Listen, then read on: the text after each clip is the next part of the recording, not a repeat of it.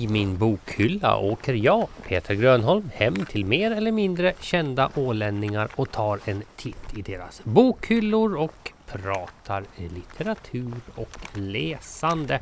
Idag har jag åkt hem till konstnären, illustratören och författaren Pernilla Lindros.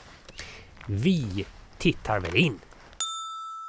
När du hör det här ljudet är det dags att vända blad. Det är, det är ju lite specialupplägg idag för du har ju du har liksom ingen bokhylla. Nej, och det är ett tungt vägande skäl till det. Det, ja, det, det, är nämligen så att min mor är ju läsgalen, minst sagt. Så hon har ett helt bibliotek, ett rum bara med böcker. Och hon hotar ju med att jag ska få ärva det där. Så jag, då tänkte jag, det är ingen idé att jag samlar så mycket böcker nu. Eh, och eh, har jag något så kan jag precis placera det där. Mm. Så att du, du, du väntar liksom tills den dagen kommer och sen, sen är du så illa tvungen att ha en bokhylla? Ja, vi får hoppas det tar längre dit. Men hur som helst, jag kan ju fara dit och, och låna böcker om jag vill av, av henne då istället. Mm. Och, och, visst, jag har ju en del böcker hemma, mycket nog sådär som jag slår upp i, så, den typen av böcker. Jag brukar faktiskt läsa och ge vidare också mycket av det, av det jag läst. Ja, men jag brukar ofta fråga dig liksom om man sparar böcker och så här, men du är, du är inte en sparare. Nej, och det är ju galet med tanke på att jag är författare. Jag borde verkligen värna om att spara boken. Men jag tänker också att det är kul att få... Har jag läst en bra bok så vill jag ju hemskt gärna dela med mig, att någon annan får läsa det och att det får sprida sig. Men hur, hur är det med läsningen nu då? Nu skriver ju du liksom ganska mycket. Blir det, hinner du med att läsa böcker nu för tiden?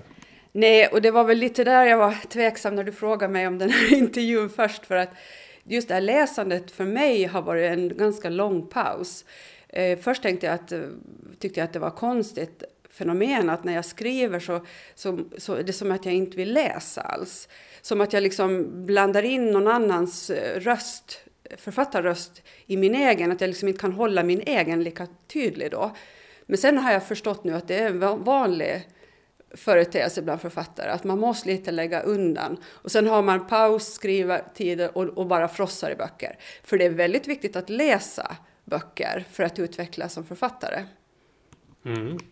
Men, men då har upplägget då alltså varit idag att du har åkt hem till din mamma och så har du plockat med dig en hög med böcker hem till dig. För eh, tanken var ju från början också att vi skulle ha varit hos din mamma och gjort det här. Men, men med dessa coronatider så var det väl eh, lite opassande mm. kanske.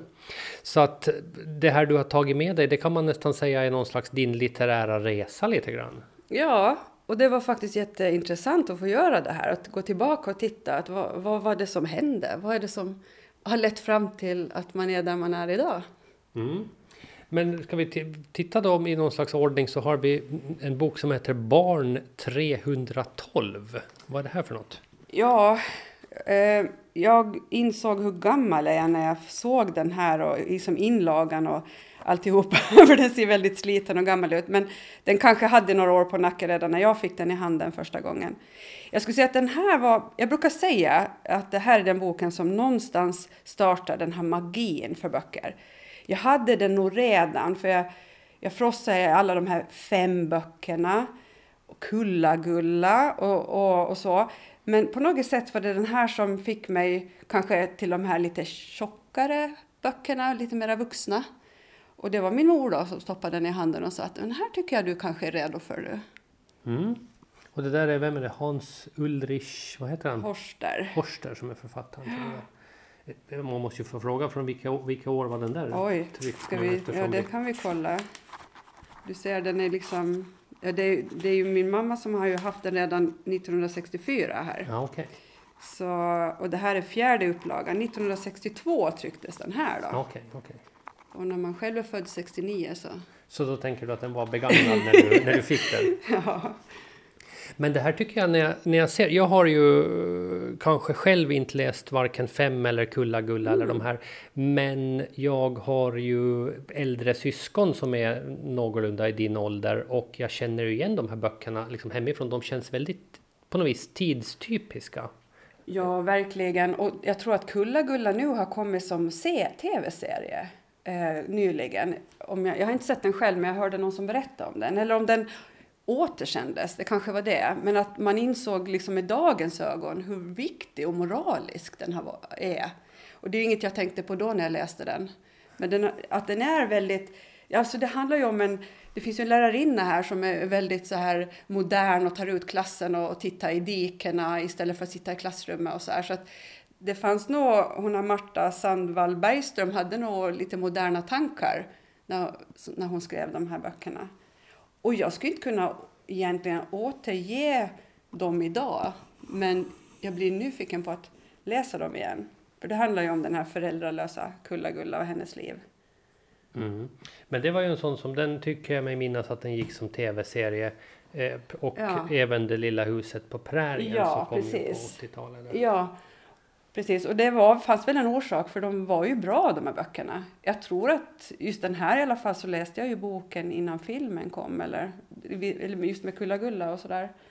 Men eh, ja, det är, ju, det är ju lite som jag brukar säga, vissa de här serierna, det Kulla-Gulla var ju en serie och Fem i knipa är ju en serie. Det, det var ju dåtidens Netflix liksom. Mm. Ja, precis det. Att det inte tog slut, utan man, man fick som längta efter nästa avsnitt, Ja. nästa bok. Vart eh, går steget efter, efter de här böckerna sen då? Ja, sen gjorde jag ett jättestort kliv och det sa min mamma att hon också gjorde. Från att man läste ganska eh, barnböcker till att eh, läsa väldigt romantisk litteratur. Den här Ja. serien är också en äldre serie med eh, en serie på Angelique. Jag tror att det finns tio böcker översatta till svenska. Det finns flera originalspråk. Fransk serie. Okej. Sergan kanske? Kan man säga så? Det, det, ja, det, jag Jag kan ingen franska. Nej, jag, inte jag heller. Vi får lita på att det man heter. så. Ja, nej men det här är ju romantik på hög nivå. Alltså det, Mm. det, den här Angelique är ju så här en stark äventyrskvinna som råkar hela tiden. Det är pirater och det är kungar och det är hovet i Frankrike och det är sen, sen hamnar hon då till Amerika och 1700-tal. Så det, ja, romantik och äventyr ska jag Mm. säga i en mix. Men är det där en sån bok man, man läser med blossande kinder? Jag skulle tro det. Jag har, jag har en aning av att det nog var så. Sen Ja. är jag till min ålder då. Mm, mm. lärde mig kanske mer än vad jag borde. Eh, och sen Ja. har vi Jag skulle ta den här Ja. sen, ja, kanske. Margit. Sandemo. Är det någon där ute? Oj, ännu en sak som borde... Det här borde ju filmatiseras. Så de har faktiskt gjort flera försök. Margit dog ju här för, för något år sedan bara. Eh, och alltså den här serien är helt fantastisk. Jag vet inte om det här är sista boken, 47, jag tror det. Men minst 47 böcker. Ja, Och om isfolket. okej. Så det här är ju liksom mystik, det här är ju liksom, eh, vad ska man säga, alltså mystik och spänning, relationer, eh, ja, det är lite, vad ska jag säga, den här genren som idag rullar på hur mycket som helst egentligen. Så jag tror att hon var ganska först med, med den här typen av böcker, tror jag. Mm. Mycket trolldom och myter och sägnen och så här. Ja, precis. Alltså, finns det någon sån här... Det är ingen specifik tid det utspelar sig utan det är någon slags specifik verklighet snarare. Eh, nu är det ju som sagt ett hel del år sedan jag läste de här, men nej, jag skulle... Det känns ju så här forntidiskt eller ja, nej det är svårt. Jag tror inte att det egentligen är tidsbestämt. Men du vet, det är ju kampen om det onda och goda och det är djävulen och det är häxor och det är mycket, mycket så här andlighet i den. Och Margit eh, var ju till och med, läste jag här nu för jag var lite nyfiken, så hon var ju till och med inspärrad för att hon påstod sig vara väldigt eh, synsk. Okej. Och hon säger ju att de här böckerna var som nerskrivna. Aha. Så det var något nytt, jag visste inte det. Mhm, just det. Ja. Ja. Jag blev lite nyfiken över vart hon, tog vägen. Så. Mm. Mm.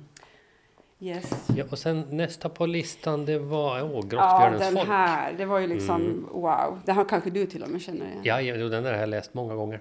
Du har det? Ja, och det där är en Ja. sån bok som det lilla man vet om Grottbjörnens folk om man inte har läst den, det är Mm. att det är liksom, det här är, på tal om att läsa med blossande kinder, att det här är liksom tonårsflickors första någon så här sexuella upplevelse. När man då läser den här, eh, som jag då, boken i vuxen ålder eh, och inte längre är en tonårsflicka, alltså det är, det är ingen som har sex frivilligt i hela den första boken.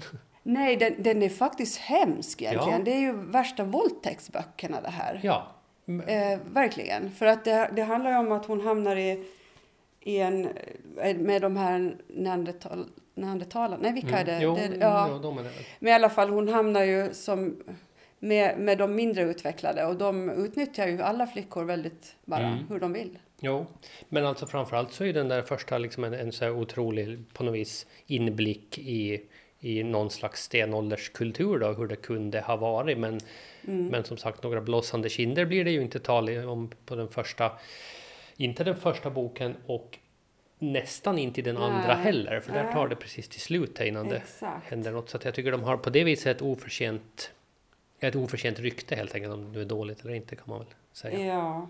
ja, men på något sätt så kan det faktiskt ha gått till så här. Alltså, jag, jag kommer ihåg att jag reagerar på att, att för hon har ju, bygger ju på alltså, det, fak, viss fakta och förstås och sen är ju allt påhittat. Men man kan ju tänka sig att när den, den muskulära mannen har stått över kvinnan så har han ju liksom kunnat göra lite hur som helst. Sen vet vi att det finns ju kulturer där kvinnor har varit väldigt starka och så. Men på något sätt, hon har ju liksom plockat fram lite det här djuriska, hur, hur det ser ut bland djuren Mm. på något sätt. Så ja, inte helt långt borta kanske, eller orealistiskt. Nej, och jag tror att hon nog i mångt och mycket har hon väl fått liksom beröm för att, att det är ganska sanningsenligt. Sen är det ju vissa sådana här ganska viktiga punkter då som att de talar ju inte, här folket talar ju inte med ord. Och det är ju helt påhittat liksom, det finns det ju ingen belägg för. Men Precis, men det var svårt kanske att få en bra berättelse om de inte kunde prata. ja, precis, man, man får ta sig lite friheter som ja, författare. ja, men många friheter faktiskt. Ja, men Ja. då har vi, var, var det här dina Det tonår det nu då? Det skulle jag säga, Mm. absolut. Det var definitivt mina tonår. Och den var ju ganska kort. Jag, Ja, det blev fyra böcker det. Ja, men vi- Ja, den- och min tonårstid var ganska kort. Men jag läste fruktansvärt mycket. Alltså galet mycket. Det här är ju bara verkligen någonting, kanske det som har mest lämnat spår. Men jag läste sjukt mycket från att jag började kunna läsa. Tills jag fick barn. För sen får Okej. man inte tid Ja, på samma precis. sätt. Eh, så under den perioden vart det mera, ja då var jag liksom inne i så här intresserad av alltså mera så här självhjälpsböcker. Så det blev mera faktaböcker kring hur man, hur man eh, stärker sin självbild och, och allt sånt här. Och, och lite andligt faktiskt. Så här, andlig bespisning. Om, men det handlar också om personlighetsutveckling, de böckerna. Mm. Hur man blir en bättre, bättre människa. Och där har vi då Förvandlingens väg av Shakti Gawain. Gawain, Ja. Och hon lär ju vara stor inom den här genren. Och den här, jag, såg att jag hade liksom lappar här. Att den, och jag sträckar under, det är inte så ofta det händer. Att det fanns väldigt mycket sån här som bara, ja, som jag lärde mig väldigt mycket av. Så mycket sånt under många år ska jag säga. I denna genre. Och just så här som sen kanske blev en del av mig, min lärarroll. Att jag förkovrar mig mycket i, i pedagogik men också filosofi och hur man kunde väva ihop det i skola med barnen. Ja, okej. Så det, det var mera att förkovra sig än att njuta av litteraturen. Ja, precis. Så att det var en annan, en annan, Mm. annan Jag tänker att det är liksom om du sitter och läser mycket sådana här böcker att det sen så småningom efter ett årtionde eller två kokar ner till, till små eh, kort med ankor som, som säger saker. Exakt, men det är precis så det är. Så att om inte jag hade läst det här så hade inte Anna Anka uppstått. Mm. Det tror jag inte. Mm. För att, och sen gick jag ju till coach och det var där jag började skriva ner de här insikterna eller sådana här tankeväckande saker som blev sådär påtagliga för mig. Och det var inte vad de sa utan vad jag, hur jag tolkar saker och ting. Så, så ja, så det var nog en viktig period, definitivt. Du lyssnar på Min bokhylla med Pernilla Lindros. Då säger vi bara för enkelhetens skull att då är det här 20-årsåldern då kanske? Från 20 till 30, nästan 40. Okej, så pass. Så pass ja. Mm. Eh, det ska jag säga för att eh, tre barn tar sin tid. Och Ja. att utbilda sig till, jag utbildade mig till lärare just runt eh, just där vid 30. Mm. Och, och då tar ju sånt tid. Va? Så att man läste in sig på skolämnen och allt det där som man skulle lära ut. Ja. Men då, då får vi räkna att varje sån här kategori då är inte ett årtionde för då slutar det med att om du var 30, 40 här så 50, 60, 70. Ja. Ja, ny, Nej, nyss, nej, nyss nej, fyllda 80. Nej, men här har ju, de här alla böckerna du ser nu, nu får jag ju ha tid att läsa igen. Ja, just det. det är ju det. Då kortar vi ner liksom Ja. tidsspannet. Och vad har vi då? då? Det, Jag skulle säga egentligen, ja, nej det är den här jag måste börja med. Och det är ju inte just den här av Marianne Keyes. Det här är ju en av hennes senare böcker, Mm. senaste kanske till och med.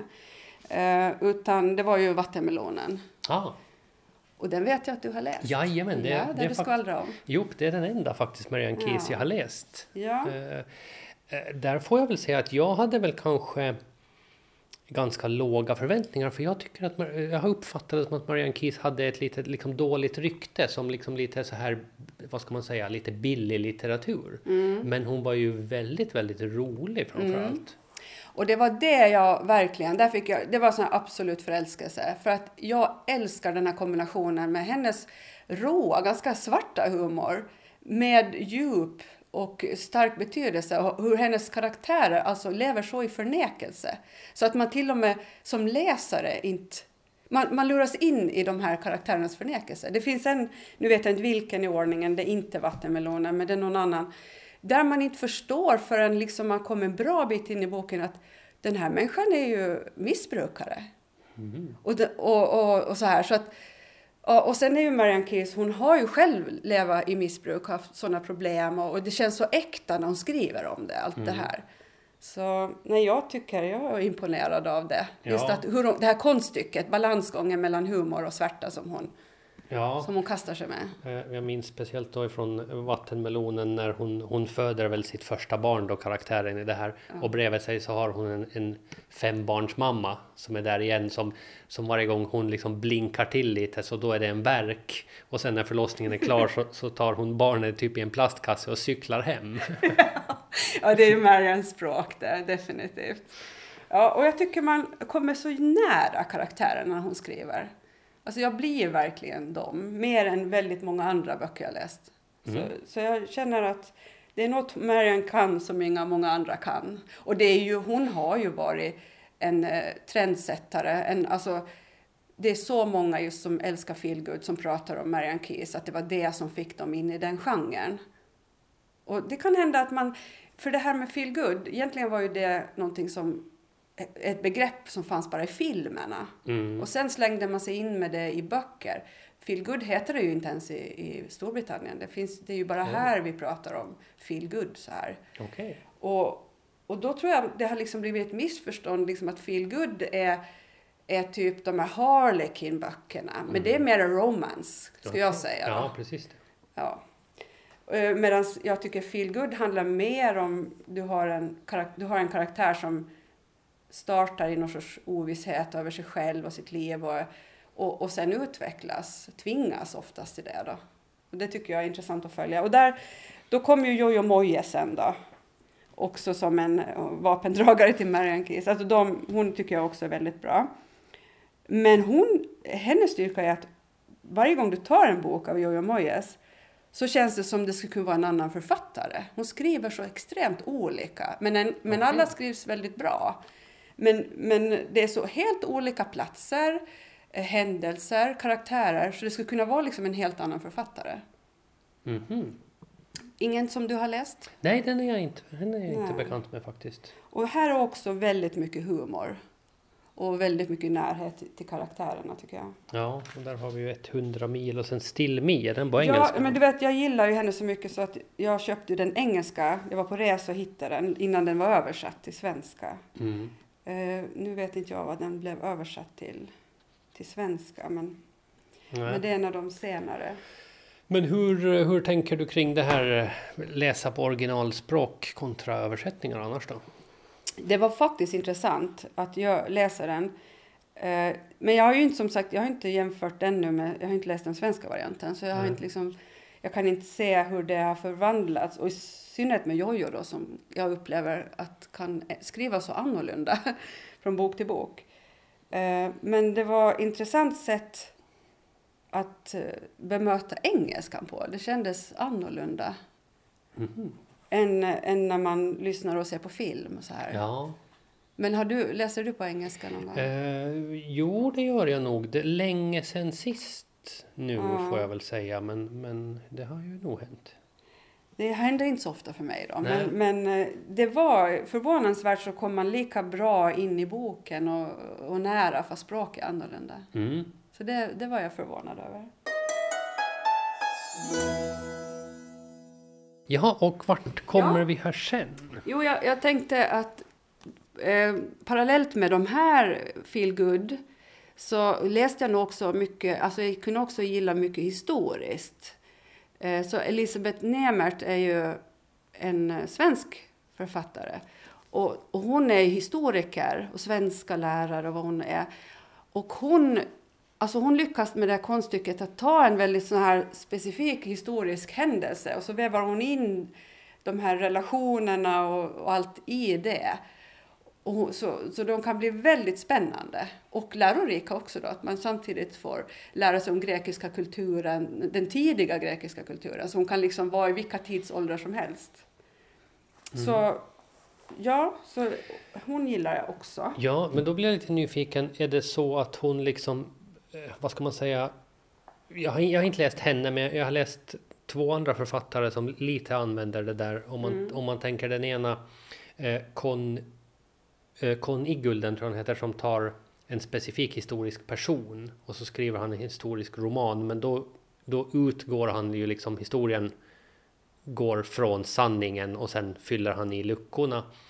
Eh, Och sen tänker jag Marianne Fredriksson brukar kunna ha en historia och i historien så dyker sen upp en, en riktig historisk person i. Jo, det stämmer. Va- Var någonstans mellan de här två så, så finns, finns Elisabeth vad sa vi? Nemert. Nemert. Eh, Ja, jag vet inte. Nu måste jag ärligt talat säga, nu är det ju ändå också ganska tag, ett tag sedan jag läste av henne. Men jag skulle...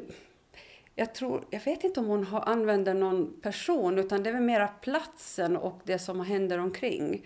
Jag, jag vågar faktiskt inte svara på det nu. Och sen har hon väldigt många böcker så att jag, som jag inte har läst ännu.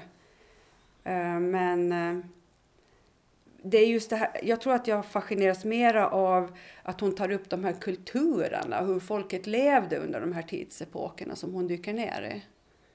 Skulle jag säga. Man får väl testa och läsa. Ja, Ja. men då kanske istället då eh, med, med, bättre hade varit att jämfört den med Grottbjörnens folk då om man tänker. Ja, precis. Ja, men då kanske det är lite samma. Alltså jag Ja. tror nog att hon hittar på väldigt mycket eget, men baserar det på all den historiska kunskap hon har. Mm. Ja, men då, Mm. då vet jag var Ja. de finns. Precis. Jaha, och sen... Ja, sen eh, har jag, älskar ju humor då. Så eh, då, John Green, Mm. och den här känner ju alla till, den har ju blivit film också. Förr eller senare exploderar jag. Och ingen du har läst? Nej, jag hoppades på att du ju- inte skulle fråga. Oj! Alltså John Green är ju egentligen en ungdomsförfattare. Men han, men de, är så, de är så intelligent skrivna tycker jag och roliga så att man kan nog läsa dem som vuxen också. Eh, och den här är ju väldigt, och de är väldigt tragiska också. Det är oftast en väldigt deprimerad, tungsint ungdom som det handlar om. Och mycket mörka tankar och hit och dit. Men de känns väldigt äkta på något sätt. Vad heter det? Trago, tragomiskt. det också. Tra, tragikomiskt. Tragikomiskt. Ja. Ja, väldigt bra böcker. Mm. Och sen så hittade jag ganska nyligen jag hittade Peter Bar, Barlach, Barlach, ingen aning, han är svensk. Ja, okej. Men inget så svenskt efternamn. Och han har en serie om Caroline, det är jag som är Caroline, det här är den första. Och mycket humoristisk. Alltså det här är ju en, Caroline är ju liksom, hon är för mycket av allt och helt crazy egentligen och har inga gräns, gränser. Och hon liksom bara råkar hamna in och, i rån och där hon är alltså delaktig och allt händer. Det, det man absolut minst tror att ska hända händer liksom. Så, så jag gillar verkligen det här, hela hennes, hela hans sätt att, att skriva. Och den är väldigt sådär i jag-form, man är så i huvudet på den här Caroline. Att, och så, så, blir det liksom med det här krock med ens egna värderingar. Att det här är kanske inte riktigt vad jag själv ska ha gjort. Ja. Så alltså det är väl det där med humor, påminner lite om John Greens böcker då. Mm. Fast i svensk tappning skulle jag säga. Ja, och om man vill stanna kvar i humor en liten stund till så ser Mm. jag Fredrik Backman där. Ja men just det. Absolut. Min, mormors, min mormor hälsar och säger förlåt. Ja. Det, är den senaste skulle jag vilja sagt. Men det är Det jag kan- nej, jag Nej, jag tror det kommer en till. Britt-Marie någonting. Ja, Något. Ja, jo, det kommer en del i alla fall. precis.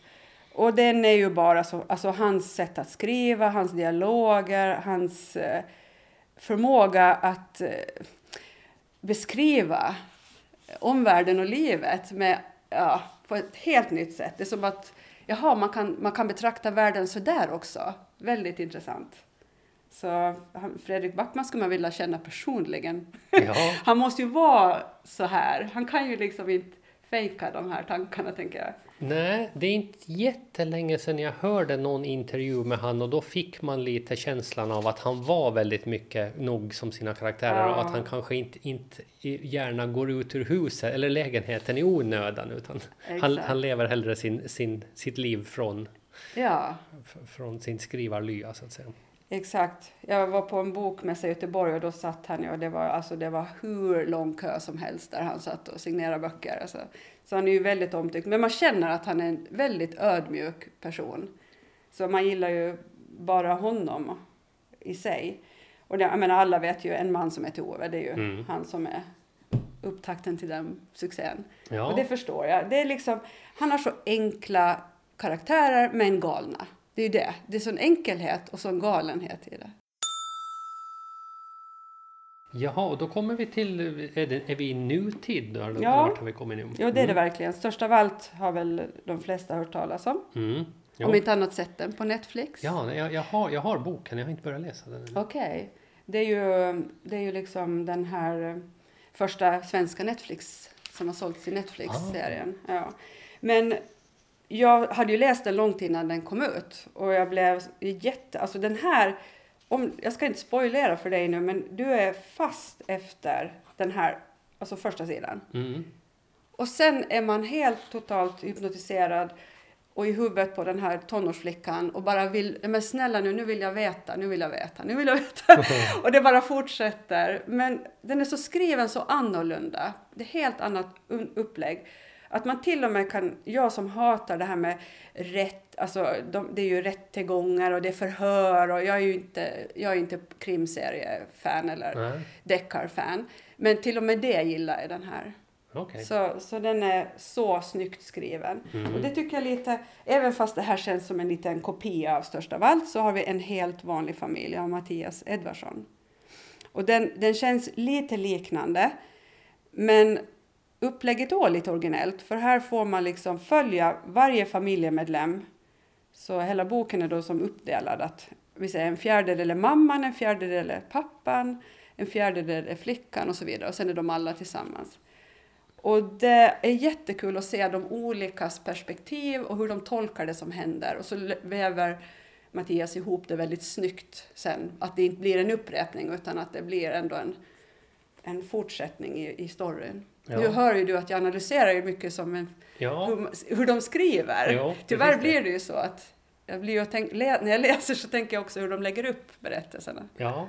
Ja, men det tänker jag att det är lite beroende på vad man har för yrke så, så kan alla möjliga yrkesskador kan ju ta sig in i, i läsningen. Det gör det. Eh, vi ska säga att det är Malin Persson Giolito som har skrivit Ja, störst det. av allt också. Ja, och som sagt, deckare har aldrig varit min grej. Att jag, vill, jag vill på något vis ha böcker som ger mig någonting personligen. Och jag, har in, jag, jag roas inte av att lista ut vem som mördar vem. Men ska det vara en deckare, då ska det behöva vara ett starkt persongalleri där man älskar karaktären och vill följa dem.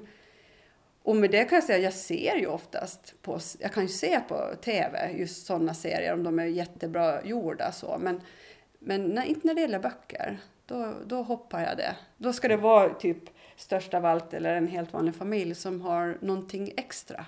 Mm. Men om man tänker så här då att, att någon av de här författarna vi har pratat om nu du kommer att säga att, att Pernilla Lindros hon är Ålands svar på.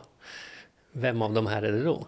Ja, vi säger, om jag får säga vad jag önskar. Ja, Så då är det Ålands svar på Maria, Marian och Jojo. ja okej. Mm. Så det, det är de. De är nog, de är nog liksom lite mina, vad heter det, flaggskägg? Skepp, flaggskepp. Ja. Men, nej, men det är sådana här som jag, som, det var där jag liksom fastnade för och blev själv inspirerad till skrivande. Och sen tycker jag förstås att jag, de har ju mycket humor i så att jag, jag är ju också inspirerad av John Green och Peter och Fredrik och de här just för humorn då. Mm. Att Hur, deras, hur de lyckas med det. Men äh, Jojo och Marianne kan jag gärna jämföras med. Men det, det är nog högt mål. Ja, precis. Ja, men sikta mot stjärnorna och Ja.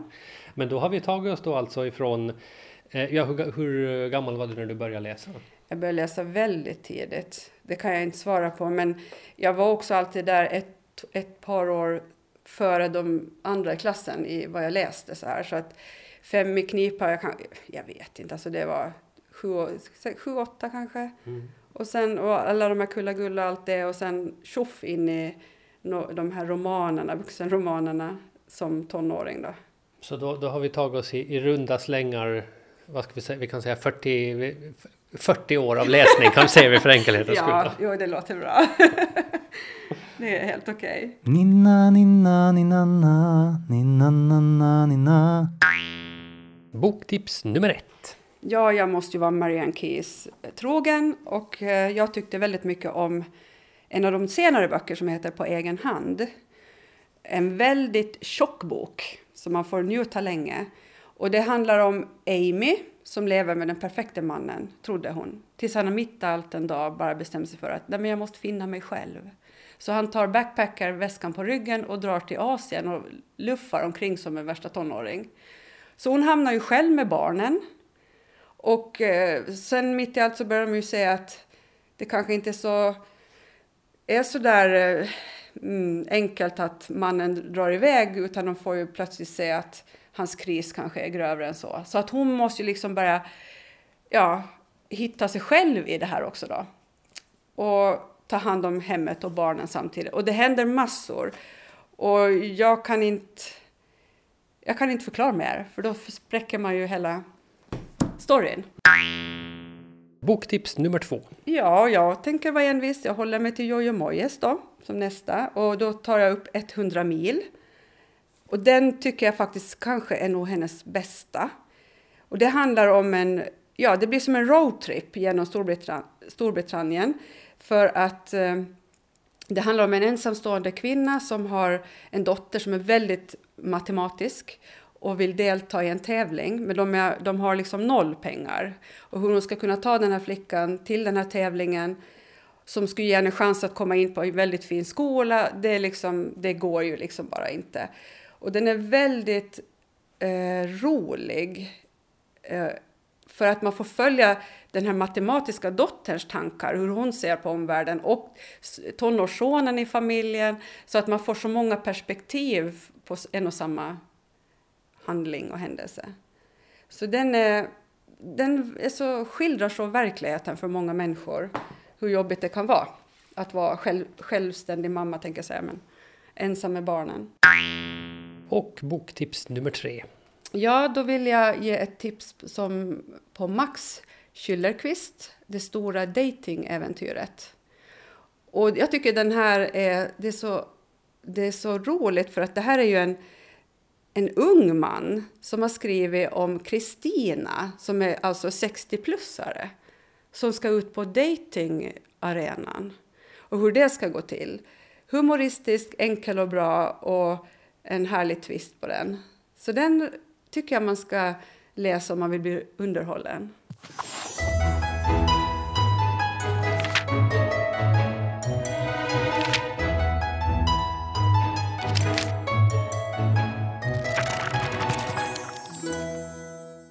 Du har lyssnat på Min bokhylla med mig Peter Grönholm och dagens gäst Pernilla Lindros.